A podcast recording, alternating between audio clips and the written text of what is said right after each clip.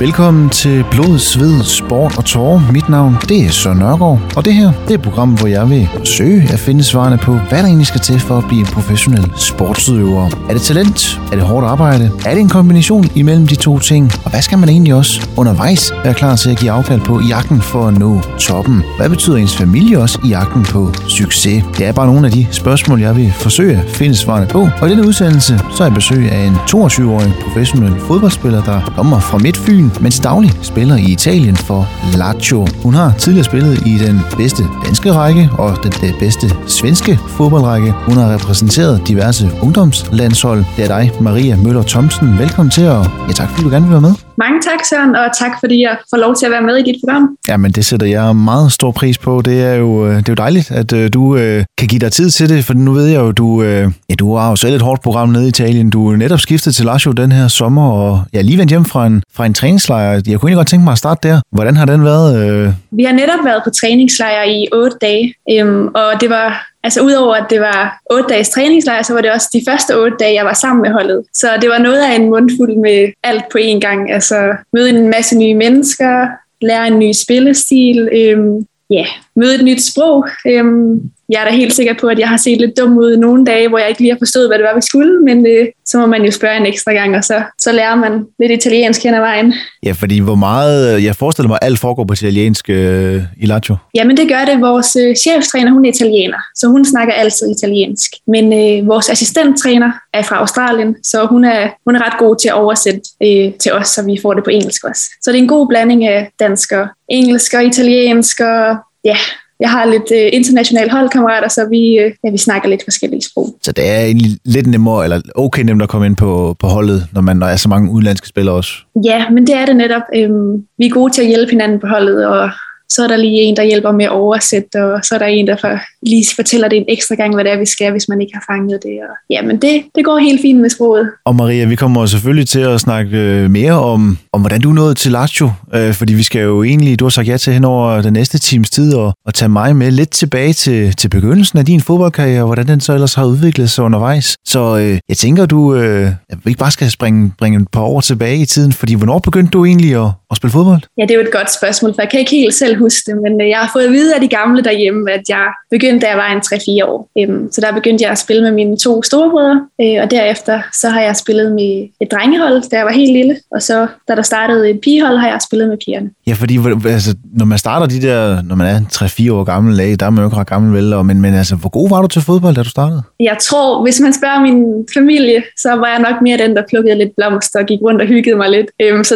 der tror jeg ikke lige, man kunne sige talent de første par år, så det er jo helt klart først kommet senere. Men, men, men var det lidt fordi, nu siger du selv, at du havde et par brødre, der spillede, altså så var det lidt for ligesom at sige, okay, hvad mine brødre gør, så, så skal jeg gøre det samme, eller hvordan? Øh? Jo, men det var det da helt sikkert jeg synes altid, det var sjovt, når de spillede fodbold, og så ville jeg altid være med, og så fik jeg selv lyst til at starte. Og du siger så, at du startede på et, øh, på et drengehold. Øh, man kan sige, derfor nu er du 22 år i dag, så det er alligevel også en, 15-16 år, øh, der er mere tilbage i tiden, hvor, hvor kvindefodbold måske ikke er så stor, så, eller var så stor, som det jo er, er blevet, og, og stadigvæk er en rivende udvikling, positiv udvikling, vil at mærke. Hvordan var det så alligevel at komme, på, komme ind på sådan et drengehold? Altså, betyder det ikke så meget, når man er, er så lille, som man var dengang? Altså, da jeg var i den alder, så betød det ikke så meget for mig. Altså, om jeg spillede med pigerne eller drengene, det var lidt lige meget. Jeg havde det bare sjovt. Og, og hvad, hvad i forhold til, til andre sportsgrene? Altså, var det bare kun fodbold, eller prøvede du lidt det forskellige af? Nej, men jeg har faktisk dyrket mange forskellige slags sport. Jeg har også spillet håndbold og badminton og lavet gymnastik.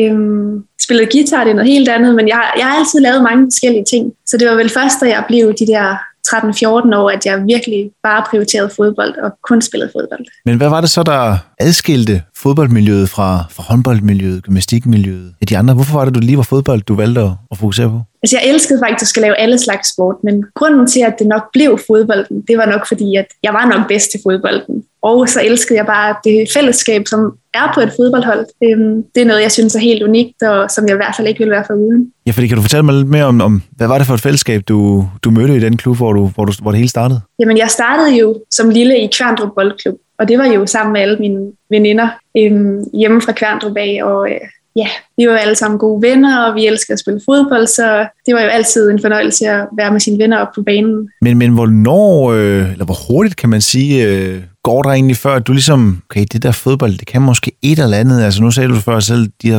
12-13, det var det, du ligesom valgte de andre sportsgrene fra. Men, men hvornår begynder du selv at finde ud af, at, at fodbold, det, egentlig, det, det kan jeg egentlig okay godt finde ud af? Jamen, da jeg var de der 13 år, der øh, blev jeg udtaget til noget, der hedder U14 talenttræning, øh, som er noget inde i Dansk Boldspilunions regi, hvor de udtager en masse spillere til at prøve at komme og træne. Øh, man kan sige, det er det er ikke et ungdomslandshold, men det er, det er starten dertil. Og der fandt jeg ud af, okay, så det er måske noget, jeg er okay god til det her.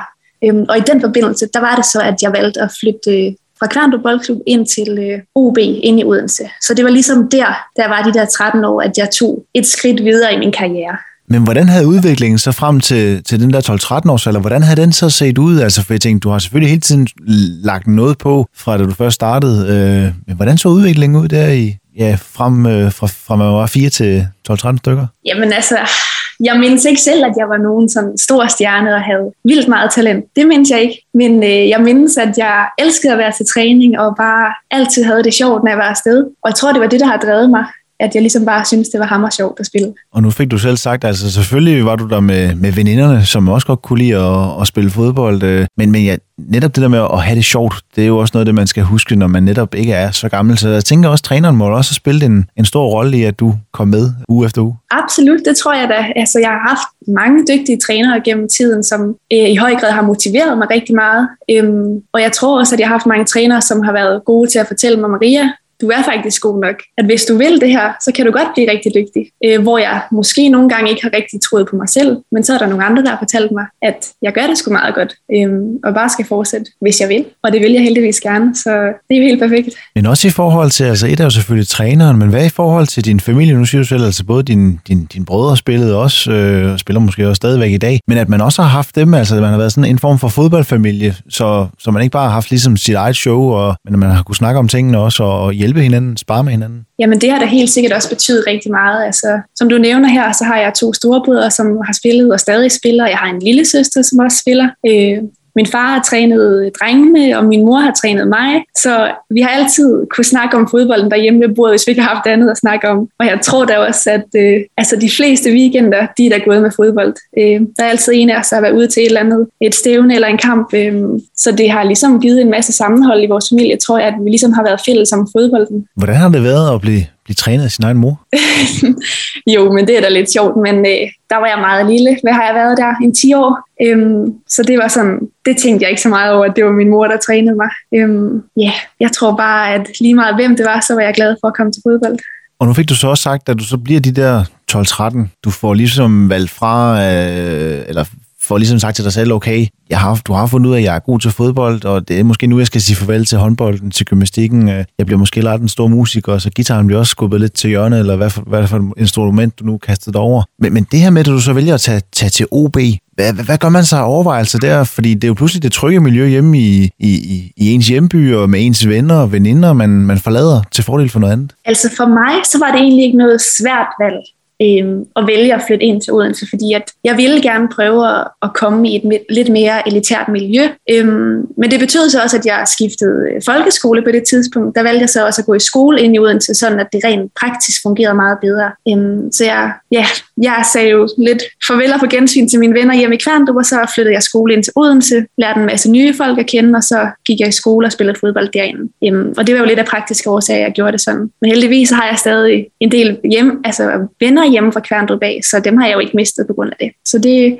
det er jeg rigtig glad for. Ja, for du fik nemlig også sagt, at du ville egentlig gerne øh, udfordres øh, lidt mere. Altså, er, det der, da du bliver de der 10-12 år, at du netop føler, at nu er du bare niveau over over de andre piger i klubben, og derfor har, har netop brug for, for nye omgivelser? Ja, men det tror jeg, det er der, det sådan går lidt op for mig, at jeg, hvis jeg gerne vil noget med min fodbold, så skal jeg prøve at finde et sted, hvor at vi træner lidt mere, og hvor at, øh, vi tager fodbolden lidt mere seriøst. Øhm, og i og med, at jeg flyttede ind til OB, så fik jeg også mulighed for morgentræning, hvilket helt sikkert også har rykket mig rigtig meget, øh, da jeg så jeg tror, jeg trænede syv gange om ugen dengang. Jeg var de der 13 år, og det havde jeg nok ikke øh, kunnet gøre derhjemme i Kværndrup med mit eget hold der. Så på den måde, så tror jeg også, det var godt for mig at bytte træningsmiljø og komme ind i et miljø, hvor vi trænede lidt mere. Ja, fordi hvad gav det netop, at, at nu var det ikke kun to gange om ugen, nu hedder det pludselig, ja, måske endda helt op til syv gange om ugen? Ja, men altså, det har jo givet mig rigtig meget, og jeg har fået lov til at træne med en masse dygtige spillere også.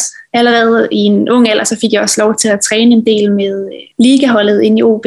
Øhm, hvor at jeg jo så kom op som en 14-15-årig pige, der trænede med de store damer. øhm, og det har helt sikkert også givet mig rigtig meget, at jeg ligesom har fået lov til at være med med de allerbedste. Og, og når man tager sådan en beslutning om pludselig at, at rykke fra, fra det lokale til, til, til, til storbyen, ind til OB og ind til Odense, altså, jeg tænker, der har du også haft dine forældre med omkring selvfølgelig. Altså, hvad, hvad er det for samtaler, og hvad for overvejelser er det, man gør så der? Absolut. Altså, rent praktisk, så skal man jo planlægge lidt mere. Altså, nu er det ikke bare lige at cykle ned til træning. Nu skal man jo sammen, åh, hvordan kommer jeg til træning? Ej, skal jeg tage toget, eller skal jeg blive kørt i dag? Eller, der, er lidt, der er lidt flere planlægningsting, man skal tænke over. Øh, men heldigvis har jeg haft en familie, som har været rigtig god til at hjælpe mig, så det har vi altid løst. Men hvad har det også haft, eller hvad har det betydet nemlig også at, have den opbakning så for forældrene? Fordi igen, man har du var ikke ret gammel dengang, altså igen 12-13, og så pludselig at sige, altså nu, nu, nu har jeg brug for noget nyt, og jeg vil gerne fodbolden, så hvis jeg skal udvikle mig mere, altså det, det er jo lige nogle, nogle krav at stille i en ung alder, men, men så dejligt så også at mærke den opbakning, der så også har været. Jamen altså, det er guld værd, den opbakning, jeg har fået hjemmefra. Øhm, hvis det ikke var for min familie, så tror jeg ikke, jeg havde overgivet at tage turen ind til Odense hver dag, hvis det, hvis det var, at de ikke havde bakket op om det. Øhm, så det er jeg rigtig glad for, at de altid har været der for mig og støttet mig øhm, i min fodboldprojekt. Og, og hvad, hvad, hvad med dine brødre? Altså nu siger de spiller også stadigvæk i dag, altså, øh, men, men, men da du netop tager det skifte der, altså, sparer du også med dem omkring det? Ja, men de har også selv gjort lidt det samme som mig, altså spillet i Odense og Svendborg og rejst lidt rundt med fodbolden. Så vi har da kunne spare lidt med hinanden om, hvordan det var. Øhm, så det har vi alle sammen været vant til at rejse lidt rundt for at spille fodbold. Og, og hvordan er det? Øh, for selvfølgelig er der forskel på, på herrefodbold og kvindefodbold, men, men, men stadigvæk, altså bolden er jo stadigvæk rundt, og der er stadigvæk 22 øh, spillere på banen, så, så der er jo også nogle, nogle ligheder i det, altså, som man kan, kan bruge både om det her eller, eller kvindefodbold. Ja, lige præcis, og Altså hver dag efter træning har vi altid kunne snakke fodbold derhjemme, og hvordan er det gået i dag, og hvordan var din træning, og, og det har jeg været rigtig glad for at have nogle søskende at snakke om det med. Men jeg tænker også, et er selvfølgelig, når man har været til træning og så videre, men, men jeg forestiller mig, at det lyder som om, I har været en rimelig fodboldglad og er en rimelig fodboldglad familie. Jeg forestiller mig også, at I måske har brugt nogle timer ude i haven. Absolut. Øh, jeg tror ikke, mor var så glad for haven en overgang, hvor vi havde kommet til at sparke hendes blomster og blevet helt i stykker, men øh, det tror jeg, altså, tror jeg håber, hun har glemt i dag. men øh, jo, der er brugt mange timer ude i haven, det er der absolut. For så tænker jeg nemlig også, altså for et er jo selvfølgelig, når man er, man er glad for sin sport, og man vil gerne dyrke, man har en passion for det, men der har vel også været noget med nogle, nogle lektier, der også lige skulle, skulle ordnes? Absolut, det har det. Øhm, nu har jeg fra, jeg gik i 8. klasse, gået på en uh, eliteidrætsskole, hvor altså fodbold har været tilpasset i en skoleskema. Øhm, så der har ligesom været indlagt morgentræning, så skole, så træning. Øhm, så jeg har ligesom haft en hverdag, som har fungeret, hvor jeg har haft indlagt tid til lektier og skolearbejde, så det har fungeret rigtig godt. Ja, hvad, hvad er det nemlig betydet for dig, altså, at du på den måde netop vidste, at du var sikret, at der både var fokus på fodbolddelen, men så sandelig også, så sandelig også bøgerne? Jamen det har været vigtigt for mig. Jeg har altid vidst, at jeg gerne vil uddanne mig ved siden af fodbolden. Øh, så det, at jeg har kunne passe min skole ordentligt ved siden af fodbolden, det har jeg været rigtig glad for. Og et jo folkeskolen. Hvad også, øh, når du så kom op i, i gymnasiet øh, på et tidspunkt? Øhm, da jeg gik i gymnasiet, der flyttede jeg ind til Odense på Tornbjerg Gymnasie, hvor jeg gik i tre år på deres øh, eliteidrætslinje. Øhm, og det var også en fornøjelse, hvor jeg kunne morgentræne to gange om ugen og stadig passe min skole uden at miste noget. Øh, og hvis jeg havde været væk med landsholdet, så kunne jeg få ekstra undervisning, når jeg kom hjem. Så det har jeg virkelig været glad for, at de har støttede mig så meget på skolen, så jeg kunne få det hele til at fungere. Men jeg tænker alligevel også, øh, det er jo dejligt at høre, at der netop er de her øh, mere sådan målrettede linjer, som man netop kan få, få det tilpasset, øh, både med, med sin, sin idræt og, og sine, sin, sin bøger. Men, men jeg tænker også, altså, når man står der som ung menneske, og man har en passion, og man har fundet ud af, at jeg er god til den her sport, i det tilfælde fodbold, men der kommer også til at være sådan nogle, nogle fravalg. Nu tænker jeg særligt i gymnasietiden, hvor øh, altså, når man kommer op i de der teenageår, så kommer der også pludselig noget, der hedder alkohol og fester og alverdens ting, som, som ens venner og venner gerne vil have en med til i weekenden, hvor du så måske har været nødt til at sige nej, for der har altså været en fodbold, vigtig fodboldkamp. Hvad er det også for en balance, man skal finde der? Jamen altså, for mig har det ikke været sådan nogen svær balance, fordi at, altså, jeg vil meget hellere stå ude på græsplænen lørdag morgen, eller stå til fest fredag aften. Så på den måde har det for mig personligt ikke været noget øh, stort problem, det der med at vælge, skal jeg tage til fest eller fodbold, fordi jeg simpelthen bare har været så glad for at spille fodbold, at det er kommet helt naturligt, det valg. Så jeg, jeg tror da bestemt ikke, at jeg er en af dem, som har stået i fredagsbaren flest gange, men øh, jeg har ikke følt, at jeg er gået glip af noget heldigvis. Øhm, så har jeg jo bare været sammen med mine venner på andre tidspunkter. Øhm, så jeg har egentlig fundet en meget god balance der. Så det er ikke sådan, du på noget tidspunkt, altså det der med, som du har ikke du har ikke fortrudt, altså man har ikke følt sig udenfor i løbet af, af, af, af de her tre år på gymnasiet? Nej, absolut ikke. Og nu gik jeg som sagt også i en idrætsklasse, hvor mange havde samme holdning, som jeg havde. Øhm, så der var fuld forståelse for, at man ikke lige var med til festen fredag aften, fordi man netop skulle til træning eller kamp. Øhm, så på den måde har det hængt ret godt sammen. Og Maria, vi snakker videre om øh, din, øh, din rejse inden for fodbolden. Det gør vi lige efter et kort stykke musik.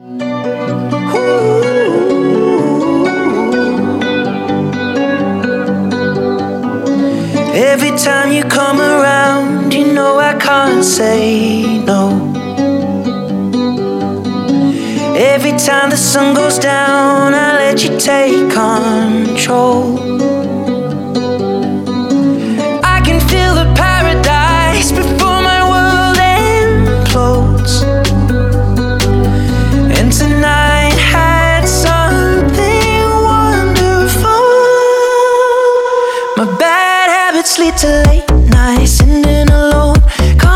emotions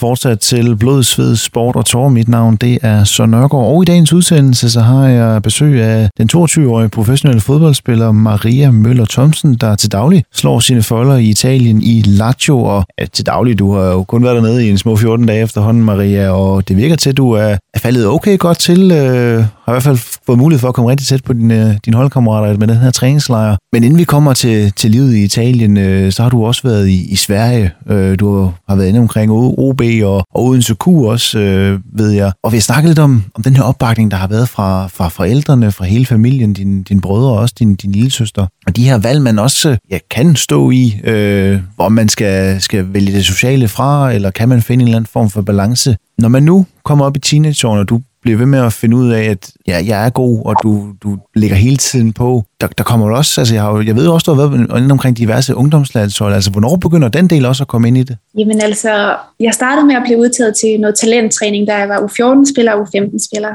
Og øh, efter det, så var jeg så heldig at blive udtaget til U16-landsholdet, U17-landsholdet og U19-landsholdet. Og øh, senest her har jeg spillet for U23-landsholdet. Og det er noget, jeg meget stolt af, at jeg har været en del af. Øhm, men samtidig har jeg også tænkt sådan, jeg vil mere end det. Øhm, så jeg har ikke sådan rigtig været tilfreds med, oj, nu bliver jeg udtaget til U17-landsholdet. Jeg vil ligesom mere end det. Øhm, så det har været en god balance mellem, altså mellem, at man har været stolt og glad over, at man har været udtaget, men samtidig stræber efter noget mere. Ja, for det er netop det, jeg, jeg, jeg tænker lidt, altså, som du siger, det er jo, det er jo et kæmpe skulderklap første gang at blive udtaget, men, men et af det, som du siger, man, man, selvfølgelig bliver man glad, øh, for det er jo det, man arbejder på øh, til daglig, men det giver også ekstra blod på tanden. Ja, lige præcis. Øhm, og øh, det var også derfor, at jeg som øh, 19-årig valgte at sige, nu flytter jeg hjemmefra, nu flytter jeg til Sverige og prøver at blive professionel derovre, for jeg følte ligesom, at det var det næste step i min karriere, at øh, nu havde jeg spillet i nogle gode danseklubber derhjemme og spillet på ungdomslandsholdet, men nu var det også tid til at komme videre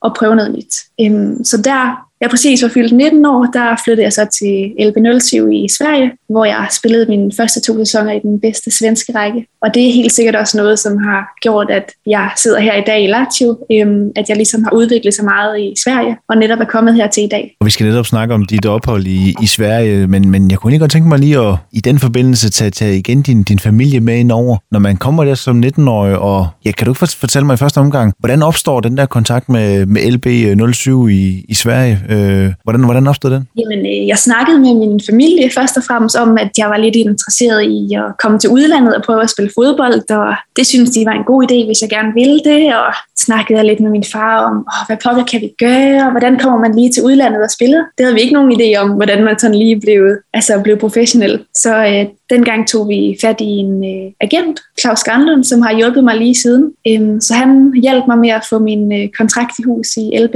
og øh, det var ligesom ham, som har hjulpet mig med alle mine kontrakter lige siden. Øhm, så det er nok det første step på vejen, det er, at man får lidt hjælp af nogle andre. Så jeg skal lige forstå det rigtigt. Altså, du, øh, du sidder der i en alder af 19, 18 måske, og tænker, jeg kunne godt tænke mig at komme til udlandet. Du tager bare fat i en agent og siger, kan det lade sig gøre? Ja, det er helt rigtigt. Øhm, og netop fordi, at han kunne godt se, at ham, jeg havde jo spillet på ungdomslandsholdet og spillet i den danske liga nogle år, så øh, han kunne godt se, at det nok var tiden for mig at tage det næste step. Så det vil han heldigvis rigtig gerne hjælpe mig med, så det er jeg jo rigtig glad for. Øhm, og uden ham havde jeg nok heller ikke siddet her, øhm, så jeg er rigtig glad for den hjælp, og støtte, jeg har både fået af min agent og min familie hele vejen igennem. Men du kommer jo så til, til Sverige, til LB07 der tilbage i, i 18. Øh, hvad, hvad er det for et miljø, du kommer over til? For man kan sige, altså fra Kværndrup til, til OB, der gik du fra træning to gange om ugen. Øh, man kan sige, lad os, vi kalder det hyggeplan, øh, serieplan, som, øh, som det, det, jeg kender mest til. Hvor at inde i OB, der var det jo professionelt op til syv gange om ugen. Og øh, hvordan er skridtet så fra, fra Danmark pludselig til, til Sverige? Men det var vel et stort skridt for mig. Øhm, først og fremmest så er selve ligaen en del bedre end den danske liga, på daværende tidspunkt i hvert fald. Øhm, og vi mødte rigtig god modstand i alle kampe. Øhm, og når man kommer der som 19-årig helt ny, så, så er det en rigtig god erfaring at få. Øhm, over i Sverige, og øh, det har helt sikkert også udviklet mig rigtig meget. Både træningsmiljøet, lidt mere professionelt setup, men også alle de gode modstandere, vi har mødt i ligaen. Men hvordan i forhold til, til, til træningen, altså et er jo igen, øh, ja også sådan, bare det at komme til, til et nyt land, altså ny kultur, igen nyt sprog, jeg ved godt, altså man kan sige Danmark, der dansk og svensk, det ligger så nogenlunde op ad hinanden, men stadigvæk er det jo et nyt sprog også at skulle, skulle forholde sig til. Ja, det er det helt sikkert, at de første par uger, der skulle jeg da lige lære nogle nye ord og sådan, men øh, heldigvis så var det ikke noget stort problem. Man kunne jo altid lige spørge på engelsk, hvis man slet ikke forstod noget. Øhm, men så lærte jeg også det svenske sprog ret hurtigt. Øhm, ved siden af fodbolden, så arbejdede jeg lidt i Sverige og kom hurtigt ind i sproget og lærte det. Øhm, dengang var jeg ikke fuldtidsprofessionel, så der blev jeg nødt til at arbejde lidt ved siden af, også for at få det hele til at fungere. Øhm, så det har helt sikkert også gjort, at jeg har lært sproget. Og hvordan i forhold til, et er jo selvfølgelig den, altså, fodbolddelen, men jeg tænker også den fysiske del. Altså, var du allerede begyndt sådan at have fokus på altså styrketræning og sådan noget i, tilbage i OB, eller er det også i, i Sverige, det ligesom begynder at tage fart? Nej, det havde jeg helt sikkert også dengang. Øh, det er noget, vi har arbejdet med, siden vi var de 14-15 år gamle. Øh, så det var ikke det store problem rent fysisk. Selvom jeg bare var 19 år, så så gik det rigtig fint med det, med det fysiske. Men hvordan er det alligevel så i en alder allerede 14 at skulle have fokus på os? Du skal også opbygge noget styrke og sådan noget. Hvordan er det i så unge alder at få, altså få den del lagt på os? Altså fordi det er jo netop et vigtigt element også i den professionelle del. Jamen altså, jeg synes selv, jeg har været ret dygtig til at følge de programmer, jeg har fået af mine fysioterapeuter og trænere. Men der har altid været nogle dage, hvor man har bare tænkt, ej, nu vil jeg hellere bare ud og lave noget andet sjovt. Øhm, og det kan man jo også sagtens gøre en gang imellem, absolut. Så det handler nok om at finde en øh, god balance mellem træningen og socialt ved siden af. Men lad mig så spørge ind til, nu siger du selv, niveauet også i Sverige, det var, det var lige en tand eller to over, hvad du oplevede i den danske liga. Sproget, det lærte du sådan rimelig hurtigt. Men, men selve træningsmiljøet i Sverige, hvordan var det kontra det, du kendte i, i Danmark? Men det var ikke, det var ikke meget anderledes. Øhm, vi trænede lidt hårdere, lidt længere, øh, men ellers så var det, det var meget det samme. Bortset fra, at jeg fik nogle øh, meget dygtige holdkammerater, som helt sikkert var med til at højne mit niveau også. Øhm, så hver dag i træningen, så spillede jeg med og boede nogle rigtig dygtige spillere. Så det er helt sikkert det, der lige har gjort det sidste. Og hvad i forhold til, til faciliteterne? Går man også, altså du siger du selv, at du arbejdede også lidt ved siden af, så det var ikke fuldtidsprofessionelt, men, men var det også et step op, eller var det nogenlunde det samme, som, du, som det du kom fra? Nej, altså det var da et step op, det var det helt sikkert, men øh, på daværende tidspunkt, der blev jeg også nødt til at arbejde ved siden af. Det var ikke bare professionelle fodboldspillere og nu skal jeg bare spille fodbold, og så ikke lave noget, når jeg er fri. For sådan fungerer det desværre ikke helt i kvindefodbold mange steder er man nødt til at, at lave lidt ved siden af os. Øhm, så de første, par to, de første to år, der øh, arbejdede eller studerede jeg ved siden af, for ligesom at få det hele til at fungere. Så det var da klart lidt hårdt, det der med, at man både skulle spille fodbold, øh, deltidsprofessionelt og arbejde. Øhm, men heldigvis så har jeg altid prioriteret fodbold lidt højere, fordi jeg har vidst, at jeg vil bare blive fuldtidsprofessionel, og det er det, jeg har gået efter. Men man skal jo selvfølgelig have hverdagen til at fungere undervejs også. Men hvad er det lille for et mindset at have netop det der med, altså selvfølgelig som du siger, der skal, der skal også, øh, det skal også kunne løbe rundt økonomisk, øh, så, så på et tidspunkt så er man nødt til også at som siger, arbejde ved siden af. Men det der mindset, du lige har, altså det er fodbolden, der er ligesom er i første række. Altså, har, har, har, har det mindset været der siden netop de der 12-13, eller er den også kommet øh, i takt med, at du kommer op igennem teenageårene? Nej, men altså det mindset, det har egentlig været der i lang tid. Men der er der nogle gange, hvor jeg har tvivlet lidt på, om det er sådan, jeg skal fortsætte. Øh, jeg har da tænkt et par gange, skal jeg virkelig fortsætte med det her og bare gå efter at blive professionel, eller burde jeg også få mig et arbejde eller studere. Man kan sige, i dag er jeg jo ikke færdiguddannet med nogen ting, øhm, fordi jeg ligesom har sat på fodbolden og har prioriteret det allerhøjst. Så det er jo en chance at tage, men øh, jeg er stadig glad over den chance, jeg har taget, og, øh, og tror nok, at det hele skal løse sig i sidste ende. Og du er også kun 22 år, Maria, så øh, der, der er al mulighed for os på et tidspunkt at, at få taget en uddannelse. Der, der var jeg heller ikke i gang endnu, da jeg, da jeg var 22, det kan jeg godt afsløre. Maria, jeg kunne godt tænke mig at spørge lidt mere ind til, altså, for du er, du er så i LB07 i, i to år, så skifter du videre, bliver stadigvæk i Sverige, men er det, er, det, er, det, er, det, er det der, det så bliver fuldtidsprofessionelt, eller var det bare for også igen at få ny luftforandring, så at sige? Nej, men der blev det fuldtidsprofessionelt, og i det år, jeg var deroppe, der spillede jeg bare fodbold. Um, så det var helt sikkert et step op for mig, at jeg kunne tjene lidt mere, og dermed bare prioritere fodbolden fuldt ud. Hvad gav det dig så pludselig, at nu skulle du ikke arbejde ved siden af, øh, studere? Nu, nu kunne du netop gå all in på fodbolden. Altså, hvad giver det pludselig af muligheder? For jeg tænker, et er selvfølgelig, at man kan, altså man kan bruge med ekstra tid på træningsbanen, altså hvis man gerne vil træne sit spark, eller sit hovedstød, eller hvad, men, hvad det nu skulle være inden for fodboldfaglige øh, ting. Men, men også i forhold til restitution, øh, den rigtige kost osv. Altså, hvad, hvad, hvad var det pludselig for en frihed, øh, man, man, man, man fik øh, som fuldtidsprofessionel? Det gav mig en del frihed, som du også siger. Det der med, at hvis vi trænede om morgenen, så kunne jeg vælge at sige, ah, men så tager jeg hjem efter morgentræning, og så tager jeg tilbage i fitness om aftenen. Øhm, så det gav en masse frihed til at planlægge ens dag. øh, og øh, man havde nok heller ikke så meget stress i hovedet over alle de ting, man skulle nå, fordi man ligesom vidste, okay, det er bare det her, jeg skal. Jeg skal træne to gange, så skal jeg, jeg skal sove, jeg skal spise, jeg skal gøre mig klar til at træne igen. Øhm, men samtidig så mærkede jeg også, at jeg følte visse dage, at jeg havde for meget tid.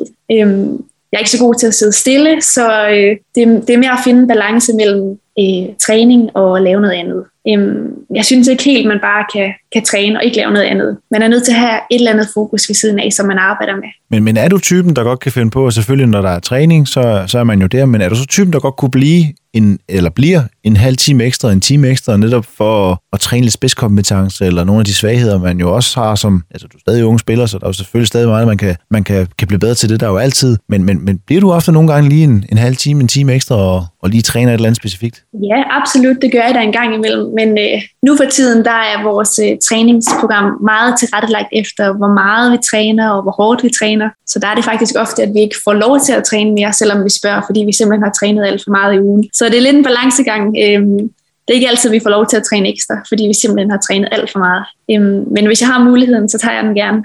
Jamen så kan man sige, okay, det er jo, det er jo så fair nok, men nu kan sige, nu, lige nu er du selvfølgelig også i opstarten, så det kunne godt være, når sæsonen først begynder, altså, så arter det sig lidt mere ud. Men er du sad der tilbage i Sverige og, og måske havde lidt, lidt for meget fritid til tider, overvejede du der på et tidspunkt, skulle man så måske begynde på noget uddannelse ved siden af? For det snakker du om, at du, du, du kunne egentlig godt lide at studere også jo.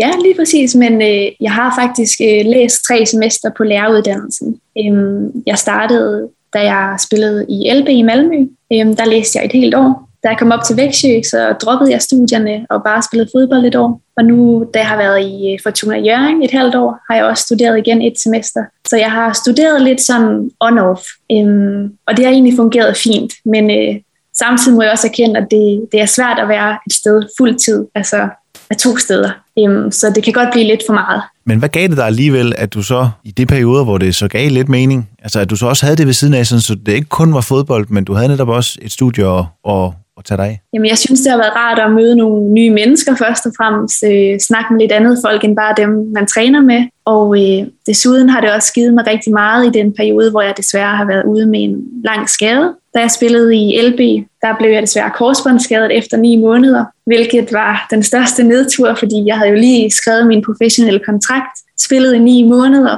og bum, så blev jeg skadet. Og øh, der valgte jeg så at begynde at studere lige efter det, fordi jeg tænkte, jeg bliver nødt til at have noget andet at gå op i, ellers så bliver man helt skør. Så øh, det kom nok lidt med den skade, at jeg valgte at studere. Og netop skader, det er noget det, jeg gerne vil snakke øh, videre om øh, lidt senere, men øh, vi skal først lige omkring, øh, hvordan du så forlader Sverige, tager hjem til Danmark, og så til, øh, og så til, til Italien, hvor du så er i dag. Det gør vi lige på den anden side af et øh, kort stykke musik. time,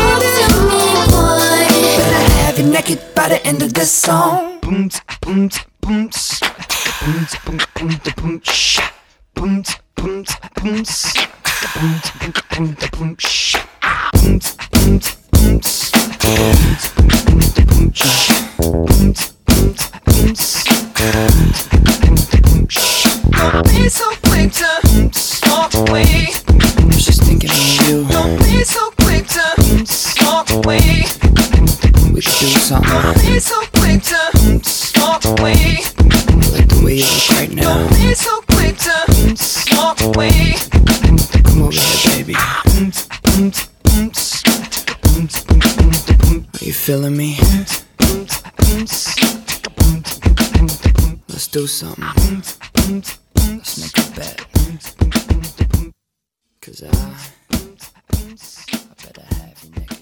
Du lytter fortsat til Blod, Sved, Sport og Tår. Mit navn det er Søren Nørgaard. I dagens udsendelse så har jeg besøg af den 22-årige professionelle fodboldspiller Maria Møller Thomsen, som spiller nede i Lazio i Italien. Netop oprykket til øh, Serie A, den bedste række i Italien, så der kommer til at vente hård modstand for, øh, for dig, Maria, og dine holdkammerater i løbet af den kommende sæson. Vi har jo hørt om din, øh, din vej ind i, i fodbolden tilbage, fra du var en 3-4 år gammel. Øh, brødrene spillede allerede, og du ville egentlig gerne prøve det af også, og viste sig, at øh, ja, talentet var der måske ikke til at starte med, men øh, det kom så altså rimelig hurtigt, og da du så var 12-13, så var det all in på fodbold. Jeg så født dig til Sverige, og så en kort stund hjem til Fortuna Jørgen i, et halvt år blev det til, inden at Lazio altså henvendte sig og sagde, øh, skal du ikke til Italien og, og spille for os? Og så sagde du, jo, det kunne det egentlig meget godt. Lad mig lige, lad mig lige springe, øh, springe tilbage til, da du var i Fortuna Jørgen. Øh, du tager fra Sverige til Fortuna Jørgen. Hvordan kan det egentlig være? Fordi nu var du egentlig kommet til udlandet. Ja, men altså, jeg var rigtig glad for at spille i, i Sverige. Det var jeg absolut.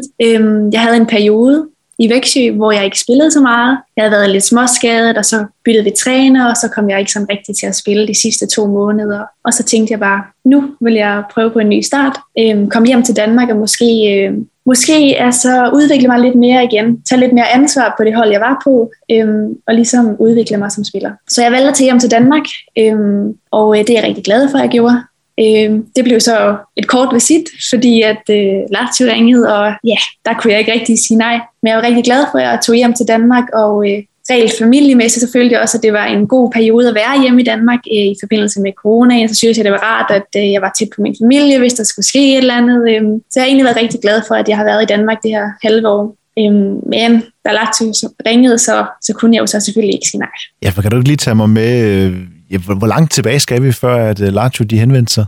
Jamen, øh, jeg havde næsten kun lige skrevet kontrakt med Fortuna, da de henvendte sig. Øhm, så det, det er ved at være lang tid siden, helt tilbage i vinters, at de henvendte sig første gang. Men der må jeg være ærlig at sige, at der troede jeg ikke helt på det. Nå, vil de have mig? Men jeg er jo lige flyttet her til Fortuna, og sådan, det kunne jeg ikke sådan rigtig forstå. Men øh, den var sgu god nok, det ville de gerne. Øhm, og så, ja, så blev det simpelthen til at skrive kontrakt hernede. Men kan du så ikke tage mig med, altså når de henvender sig allerede tilbage i vinter, og du siger, ja, man tror ikke rigtig på det. Men er det der, man også første gang begynder at vente med, med familien, med kæresten, og sige, det kunne måske godt være noget, det her, og ja, hvordan reagerede de egentlig på det? Jamen altså, jeg tror at de var noget mere op at køre over det, end jeg var. Altså min familie var sådan der, wow, nå, hvor sejt, er det rigtigt? Og min kæreste var, han, han var også helt op at køre over det. Og jeg var sådan, ah, men det kommer nok ikke til at ske. Altså, ah, det er jo ikke sikkert, at de vil have mig alligevel i sidste ende. Og så står jeg der og har været mega glad, og så ville de ikke have mig alligevel, men den var god nok. Det ville de sgu. Øhm, ja, så jeg blev enormt stolt over det, først og fremmest. Men øh, jeg følte også, det var det rigtige for mig og tage chancen, når den nu opstod. Så Ja. selvom jeg bare kommer til Danmark, så følte jeg alligevel, det var rigtigt nok at tage afsted igen. Ja, for det synes jeg også er en tendens, man ser, at, øh, at fodboldspillere i, i også i meget ung alder tør at tage til udlandet nu. Øh, altså, det er jo både på, kan jeg sige, både på herre- og, og kvindesiden. Jeg kan jo se, der er også mange af, af jer kvindelige fodboldspillere, der, der spiller rundt i, både om det er Norge, Sverige eller Italien, eller hvor det nu er henne, som også kun er de der 19, 20, 21, 22, ligesom du også ser flere herrespillere, der også tager afsted i en ung alder. Altså, hvordan er det i så ung en alder? Og, altså, man kan sige, Sverige det er tæt på Danmark, Malmø var tæt på Danmark, men, men Italien, det er jo alligevel et godt stykke væk. Øh, hvad, hvad, hvad, hvad for overvejelser gjorde du, da du først fandt ud af, okay, den her interesse for Lazio, den er faktisk reel nok? Jamen, øh, først og fremmest så kigger jeg jo rent fodboldmæssigt. Okay, hvad kan jeg bidrage med på det her hold? Hvorfor vil de have mig?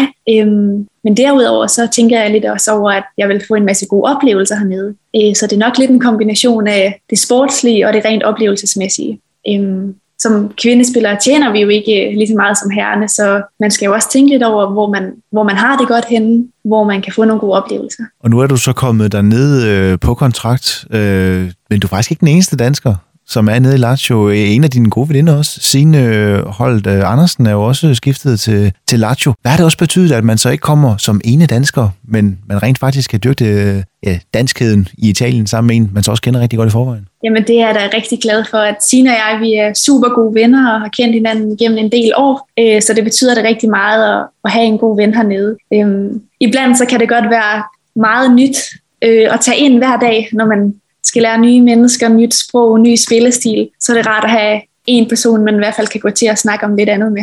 Øhm, så det betyder rigtig meget for mig. Jeg, for, men jeg kan forstå, at din, din kæreste er flyttet med til, til Italien også, øh, så du har selvfølgelig ham, men ellers så er din familie jo et godt stykke væk, så hvordan bruger dig og, og Signe, hvordan bruger I hinanden i, i hverdagen? Jamen, øh, det, det er meget rart at have en person at spare med. Har det gået godt træning? Har det gået skidt? Altså, synes du, at jeg gør det godt? Øh, tror du, trænerne synes, jeg gør det godt? Øh, det er rart at have en person, man kan snakke helt frit med alting om. Men jeg tænker også i forhold til, og nu er det jo bare den, den opfattelse, jeg har af italiensk fodbold, altså det er jo meget sådan øh, hårdt spillende fodbold, de kører ned i Italien, så det kræver også noget mentalt. Jamen, det gør det helt sikkert. Øh, nu har vi jo som sagt lige været på en otte dages lang træningslejr, som vi har følt har været en måned lang. Øh, fordi der var så mange nye indtryk, så vi var helt smadret i hovedet sådan klokken 8 om aftenen, fordi vi har fået så mange nye indtryk, og for det første så har vi ikke forstået halvdelen af, hvad der blev sagt, og vi har måske ikke lige forstået alle øvelser, og vi var bare så trætte om aftenen. Så var det rart at have en person at spare med, og at man var måske ikke den eneste, der var mega træt, fordi man ikke lige havde fanget alt. Øhm, så det er bare rart at have en tryghed hernede, som man kan tale med. Men, men generelt det der med den mentale del af spillet også, øh, hvor meget fokus har du på den? Jamen det har jeg efterhånden ret meget fokus øh, på. Øh, nu med det her skifte, så er der, der mange øh, mentale ting, som går gennem ens hoved. Øhm, og tidligere, når jeg har været skadet, har det også været meget mentalt. Jeg har måttet arbejde med, for ligesom at komme tilbage igen. Så det betyder da helt sikkert rigtig, rigtig meget. Men er det sådan, at du har en, en sportspsykolog, du snakker med, eller er det noget, nogle mentale øvelser, du gør der, noget, noget yoga for at slappe lidt af, eller, eller hvordan? Nej, altså jeg har haft et par enkelte samtaler med nogle sportspsykologer, men ikke noget, jeg gør fast i lige i øjeblikket. Men det, er- det er klart noget, man bør overveje, da jeg har hørt meget godt om det fra ja, kollegaer og andre, andre venner og veninder. Men et af du så har Signe, du kan, du, kan, du kan spare med. Du har så også din kæreste dernede øh, fysisk, men, men ellers er det så familien, du gør meget brug af, hvis du har netop de her lidt hårde perioder. Øh. Jamen, det gør jeg helt sikkert. Altså, hvis jeg lige har haft en lidt dårlig dag, eller ah, man har måske ikke lige følt, man har gjort det så godt, og så er det bare rart at få snakket lidt ud om tingene med nogle andre, som måske ikke lige har været der, men bare få fortalt, hvordan alting går. Øhm, og der er familien helt sikkert rigtig rar at ringe til og fortælle om alt det, der sker hernede. Men nu forstår jeg jo også, at din, øh, din kæreste han har spillet håndbold. Øh, jeg ved ikke, om han stadig spiller det også. Men at, i hvert fald er det der med, at han også er, er inde i sportens verden. Altså, det er vel også dejligt at have en kæreste, der, der kan være så forstående også, fordi han, han ved også, hvad, hvordan konkurrencen er inden for sport. Jo. Ja, helt sikkert. Altså, det betyder rigtig meget for mig. Øhm, hvis man for eksempel har været lidt småskadet og har været rigtig irriteret over, at man ikke kunne træne, så kan man komme hjem og snakke lidt med ham om det og sige sådan, Nå ja, men jeg skal jo heller ikke træne, hvis jeg er skadet. Og, altså, der er så mange ting, som man, man sparer med hinanden, fordi man ligesom begge er sportspersoner. Øhm, så, så det betyder rigtig meget. Og Maria, nu fik du nævnt før, at øh, I har lige været på den her 8 ugers, øh, eller 8 dages øh, træningslejr, som føltes som ja, måske 8 uger, øh, når man kommer til, til et helt nyt land, en helt ny klub og en helt ny kultur. Men, men hvordan, er, hvordan er forholdene nede i Lazio? Altså, fordi øh, man ved jo også, altså, de stod, der er jo flere og flere storhold på herresiden, der, køber, der begynder at få de her kvindehold også, men, men hvordan, hvordan er forholdene for, for kvindeholdet nede i Lazio? Jamen, de er faktisk rigtig gode. Øh, I og med, at øh, Lazio rykkede op fra Serie B til Serie A, så har vi fået lov til at træne ude på det, der hedder Formello, som er et stort sportscenter, hvor herrene også træner. Øhm, så der træner vi på lige fod med herrene derude, har vores egen bane og stadion og omklædningsrum og styrketræningsfaciliteter, så det, det er helt sikkert rigtig fedt. Og øhm, det er klart, der er stadig lidt forskel i og med, at øh, der er jo mange flere mennesker, som kender til herrespillerne, ser deres kampe, men øh, vi har næsten lige så gode faciliteter, som de har. Der er Ja. stadig meget, der skal arbejdes på, for at vi kommer helt op på samme niveau som dem, men det er rigtig godt på vej.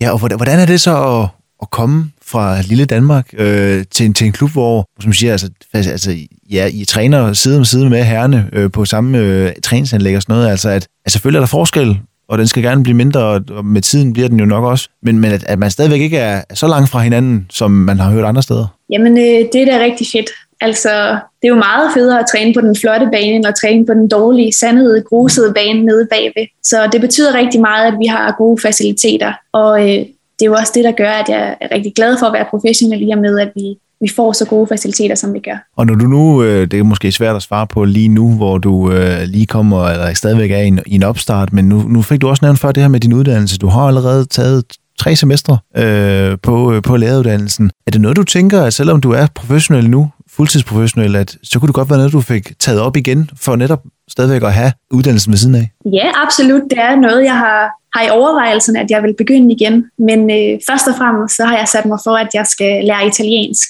Øh, jeg føler simpelthen, at det er nødvendigt hernede, at jeg lærer sproget ordentligt. Så det næste års tid vil jeg helt sikkert prioritere det, øh, og få noget undervisning og ligesom lære at tale flydende italiensk. Så lige nu så er det der, øh, mine prioriteter de ligger, men på sigt så vil jeg helt sikkert gerne starte op igen. Altså lige nu der er det fodbolden all in, men, men netop det med italiensk undervisning, er det noget, I selv skal sørge for, eller er det klubben, der stiller en underviser til rådighed? Jamen, øh, klubben vil heldigvis gerne hjælpe os, så alle os udlandske spillere, vi har gået lidt sammen og sagt, at øh, vi godt kunne tænke os at undervise, så det skal vi have organiseret i løbet af de næste par uger, så vi ligesom kan få lidt undervisning i forbindelse med træningen. Og netop det der med, med, med, med truppen, altså nu fik du sagt, at øh, cheftræneren, hun er italiensk, øh, assistenttræneren, hun er så øh, engelsktalende, øh, og kan det på den måde hjælpe jer i mange udenlandske spillere også. Det gør vel også, at det har været lidt nemmere at komme ind på, på holdet, end at hvis man kom ned til en klub, hvor at det kun var italienere. Ja, absolut. Øhm, nu vil jeg på ingen måde fornærme italiensk, italienerne, men de, øh, de er mindre dygtige til at tale engelsk. Så øh, de spillere, som ikke kan et ord engelsk, der har det jo været meget svært at kommunikere med dem, øh, hvor man har ligesom haft behov for at få hjælp øh, i forhold til at oversætte, hvis jeg skulle snakke med dem. Øh, så det er rart, at der er nogle udlandske spillere, som ligesom hjælper en, og man kan tale engelsk med. Og selvom, øh, Maria, det, det går rigtig godt med din karriere, trods dine øh, kun 22 år, øh, er du nu i, i Lazio, så øh, fik du også lige før sagt, der har så også været noget, nogle nedtur undervejs, blandt andet et, et korsbånd, der røg, da du var lidt yngre. Det er noget, det vi snakker videre om lige efter et kort stykke musik. Just gonna stand there and watch me burn. Well, that's alright because I like the way it hurts. Just gonna stand there and hear me cry. That's alright because I love the way you lie. I love the way. I can't tell you what it really is. I can only tell you what it feels like. And right now, it's a steel knife in my windpipe. I can't breathe, but I still fight. Well, I can fight as long as the wrong feels right. It's like I'm in flight. High off of love, drunk from my hate. It's like I'm huffing pain. I love her the more I suffer. I suffocate right before I'm about to drown. She resuscitates me. She fucking hates me, and I love it. Wait, where you going? I'm leaving you.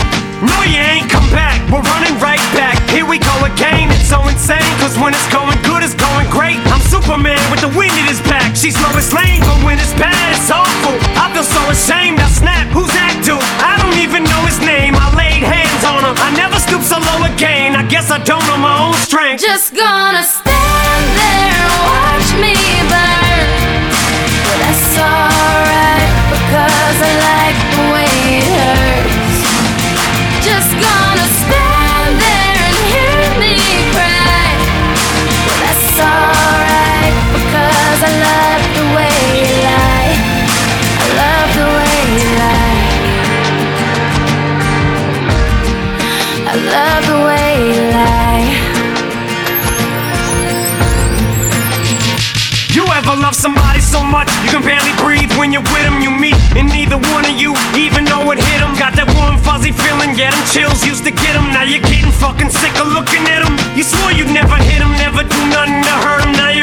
other's face, spewing venom in your words when you spit them. You push, pull each other's hair, scratch, claw, pit them, throw them down, pin them. So lost in the moments when you're in them, it's the that's a cold break controls your boat. So they say it best to call your separate ways. Guess that they don't know you, cause today, that was yesterday. Yesterday is over, it's a different day. Sound like broken records playing over, but you promised her. Next time you show restraint, you don't get another chance. Life is no Nintendo game, but you lied again. Now you get to watch her leave out the window. Guess that's why they call it window pane. Just gonna stand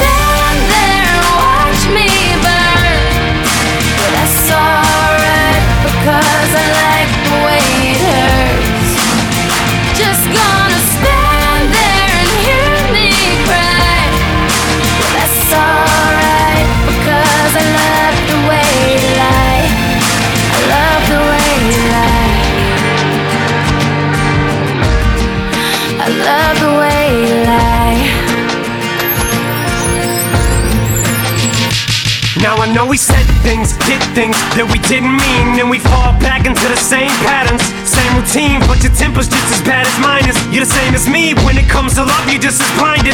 Baby, please come back. It wasn't you, baby, it was me. Maybe our relationship isn't as crazy as it seems. Maybe that's what happens when a tornado meets a volcano. All I know is I love you too much to walk away. Though, come inside, pick up your bags off the sidewalk. Don't you hear sincerity in my voice when I talk? Told you this is my fault.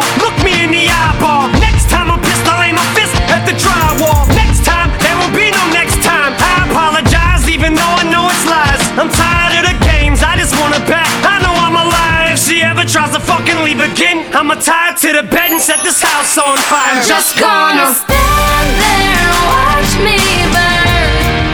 But that's alright because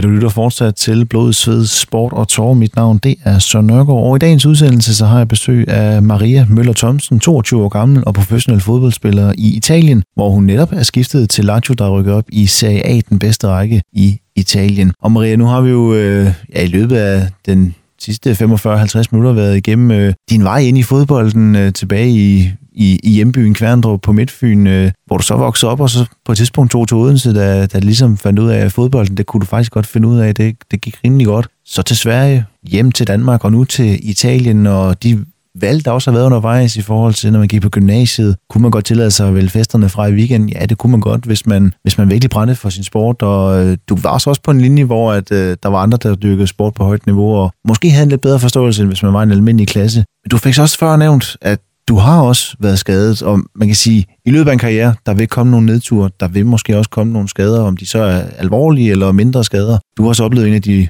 alvorlige skader i form af et korsbånd. Kan du lige tage mig tilbage? Øh, hvor gammel var du, da du fik den der korsbåndsskade? Jamen, der var jeg stadig 19 år. Jeg øh, havde kun spillet i øh, LB i 9 måneder, da det skete, og på daværende tidspunkt havde jeg kun skrevet en etårig kontrakt, fordi jeg tænkte, jeg ville lige se, hvordan det hele var i, i Sverige. Øhm, og så står jeg der et par måneder før kontrakten går ud, har reddet et korsbånd over, og så troede jeg bare, at det hele var slut. Men øhm, heldigvis så havde jeg nået at vise, at jeg havde, altså, var en dygtig spiller og havde gjort det godt i de nye måneder, jeg har spillet, så øhm, klubben ville heldigvis gerne forlænge min kontrakt, og jeg fik lov til at lave mit genoptræningsforløb i klubben og komme tilbage igen. Øhm, så det er jeg virkelig taknemmelig for, at jeg dengang fik lov til at forlænge min kontrakt og komme tilbage på banen igen. Men stadigvæk i en alder af 19 år, man er lige kommet til udlandet, det man gik og drømte om, så får man sådan en korsbåndsskade, og og det er jo ikke bare en lille skade. Altså, det er jo op mod et år, måske endda også længere, for der skal også genoptræne, så man skal tilbage i kampform og så videre. Altså, jeg, jeg, jeg kunne forestille mig, hvis det var mig, altså ens verden, den bryder jo sammen. Ja, det gjorde den også dengang. Det var ikke sjovt. Øhm, jeg følte bare, at jeg kom aldrig tilbage, og at jeg var bange for, at jeg aldrig ville komme på, på samme niveau igen, og at jeg ikke kunne fortsætte med at være professionel.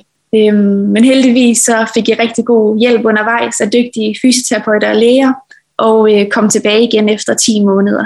Øhm, men det var hårde 10 måneder, og øh, jeg må da også være ærlig at sige, at i de 10 måneder, så fik jeg en del hjemmevæg. Altså, jeg havde bare lyst til at rejse hjem til min familie hele tiden. Hvis vi havde en fridag, så kørte jeg hjem, øhm, fordi det ligesom var, det var så hårdt øh, ikke at kunne være med på fodboldbanen. Og man følte lidt, at man stod på sin egen ben, og at man bare skulle klare alt selv for at, øh, for at komme tilbage på banen igen. Ja, fordi hvad, hvad, hvad gjorde du i, i løbet af de 10 måneder for at, at holde humøret op hele tiden? Eller i hvert fald det meste af tiden. Jeg tænker, der har været et par nedture undervejs også. Ja, men øh, jeg valgte faktisk at gøre det, at jeg tog til træning ude i klubben hver dag. Det vil sige, at jeg havde allerede trænet om morgenen selv, men så efter min egen træning, så tog jeg ud og så de andres træning. Øhm, og ja, så kunne jeg gå og flytte lidt kejler og lidt bolde og lave lidt øvelser selv også. Men det, at jeg valgte at være en del af holdet stadig, det tror jeg har gjort, at jeg kom så stærkt tilbage. Øhm, for jeg tror, for mig var det alt for hårdt at skulle gå igennem hele genoptræningsforløbet selv. Så jeg valgte ligesom, at øh, jeg vil få hjælp af mine holdkammerater til at komme igennem det hele, og ligesom være en del af holdet stadig og være med dem. Øhm, og det tror jeg altså er grunden til, at jeg kom så godt tilbage, som jeg gjorde. Netop det der med, at du, øh, for det er netop det, man hører, altså, at man, man, isol, man bliver hurtigt isoleret, når man er skadet, og hvis det er længere skadet. Altså, hvordan blev det taget imod af holdet, at du netop, jamen, du havde gjort din egen træning, genoptræning inden, men at du så stadig var en del af holdet ved at kunne hjælpe med at, at flytte kejler og flytte mål, eller hvad det nu kunne være, de der ting, som man kunne, mens man stadig selvfølgelig var skadet. Hvordan blev du taget imod på holdet? Jamen altså, nu var jeg desværre skadet på et tidspunkt sammen med en anden øh, spiller også, så vi var lidt to om det, øhm, så vi, vi kunne spare lidt med hinanden, og jeg tror da også, de andre spillere satte pris på, at vi stadig var en del af holdet, og ikke, øh, ikke bare blev hjemme hver dag, men, øh, men samtidig så var det også rigtig hårdt at ligesom være på træningsbanen og se de andre spille, og ikke selv kunne være en del af det. Men jeg tror også, det ligesom gav mig styrke til at komme tilbage, fordi jeg ligesom kunne se, hvad der ventede mig, hvis jeg, hvis jeg lavede en god genoptræning. Men var det også i sådan en periode der, hvor der blev måske lige foretaget et ekstra opkald til, til familien hjemme på, på Midtfyn? Ja, absolut. Altså, hver gang jeg havde chancen, så tog jeg hjem et par dage og var med min familie og prøvede at tænke på lidt andet, fordi det ligesom var så hårdt. Øh, at være væk fra familien og vennerne, øh, når det gik så skidt med fodbolden. Du er så heldigvis kommet ovenpå igen, øh, kan man sige, ovenpå din, øh, din alvorlige skade der. Øh, hvad, hvad er efterfølgende? Hvad har du, hvad har, har du oplevet andet i form af, du fik selv sagt, at du så pludselig ikke får så meget spilletid i, i Vægtsjø, vælger at tage tilbage til Fortuna, men det, tænker det er jo også en hård periode, hvor man pludselig ikke er, altså det bliver man ikke valgt til, der bliver man pludselig valgt fra. Ja, absolut. Altså det sætter rigtig mange tanker i gang. Er jeg god nok? Skal jeg fortsætte med det her? Øhm, og der er der helt sikkert også øh, snakket meget med min familie om, altså hvad jeg skulle gøre for at komme tilbage igen, og øh, der har de været en rigtig stor opbakning øh, for mig, fordi det er hårdt, når man lige pludselig ikke spiller. Øhm, jeg vil jo for alt i verden gerne spille hver weekend, øh, men visse perioder, så, så sker det bare ikke, og så må man jo prøve at finde en vej tilbage, øh, så man er en del af holdet igen. Og det er heldigvis også lykkedes, så, øh, så det er jeg rigtig glad for. Men jeg tænker jo også, altså både din, din skade der tilbage, da du var 19, og den der kamp tilbage, altså kamp for at komme tilbage på det niveau, som man var på og kunne blive endnu bedre. Og altså, det er også noget, du kan bruge nu i dag, hvor du nu er du skiftet til Lazio, en, en stor klub nede i, i Italien, som netop rykker op i Serie A. Altså, netop, altså, jeg, jeg forestiller mig, altså, at øh, når du går på træningsbanen dernede, altså, som du siger, du ved godt, italienerne, det er nogle hårdspillende typer, men, men, men du er klar til at tage kampen op? Ja, lige præcis. Altså, jeg ved jo, at jeg før har kommet tilbage efter at være ude 10 måneder. Jeg, jeg har kæmpet mig tilbage fra at være på bænken til at spille igen, og altså jeg har gået igennem perioder, hvor det ikke har gået så godt, men hvor man så bare har fortsat, og så lige pludselig så får man chancen, når det går godt. Um, så det er helt sikkert også noget, jeg tager med mig. Det der med, at man, man simpelthen bare er nødt til at tro på sig selv. Selvom det i visse perioder kan være lidt hårdt, og man føler, at man ikke gør det godt nok, så skal man bare tro på sig selv, og så håbe på, at øh, man kommer tilbage og spille. Og nu, når jeg er kommet til en ny klub, så vil jeg jo også for alt i verden spille fra start af. Um, så det handler om at jamen, sætte sig lidt i respekt her fra start af. Og det, ved, det lyder som om, at det er den helt rigtige indstilling, du har, Maria, til, til dit ophold i Italien, og selvfølgelig også din, øh, din karriere videre frem. Her til allersidst, nu har vi jo snart snakket i en times tid. Øh, jeg kunne ikke godt tænke mig, altså, øh, for ligesom at få lukket den ordentligt af, øh, hvis du skulle give et råd videre til, til nogle unge, om det så er piger eller drenge, der, øh, der gerne vil spille fodbold, øh, er i gang med at spille fodbold, men drømmer om at blive professionel, om det så er herhjemme eller om det er i udlandet. Hvad er det bedste råd, du ligesom kan give, give videre til unge fodboldspillere? Jamen det er helt sikkert, at man skal tro på sine egne evner, og ikke sætte sit lys under en skæppe. Altså man skal tro på, at man godt kan. Øhm, det er noget, som jeg har haft svært ved, men det er noget, jeg har arbejdet meget med, og ja, i dag sidder jeg jo her, og det er jo fordi, at jeg har jo troet på, at jeg godt kan det her. Så det er det vigtigste, altså simpelthen uh, tro på sig selv i alt, man går ind og laver her i løbet af, af livet. Så uh, Maria, jeg vil sige mange tak, fordi du var med, og så må du have rigtig meget held og lykke med, ja, først og fremmest sæsonen i Lazio, men også resten af din karriere. Tusind tak, og tak fordi jeg måtte være med.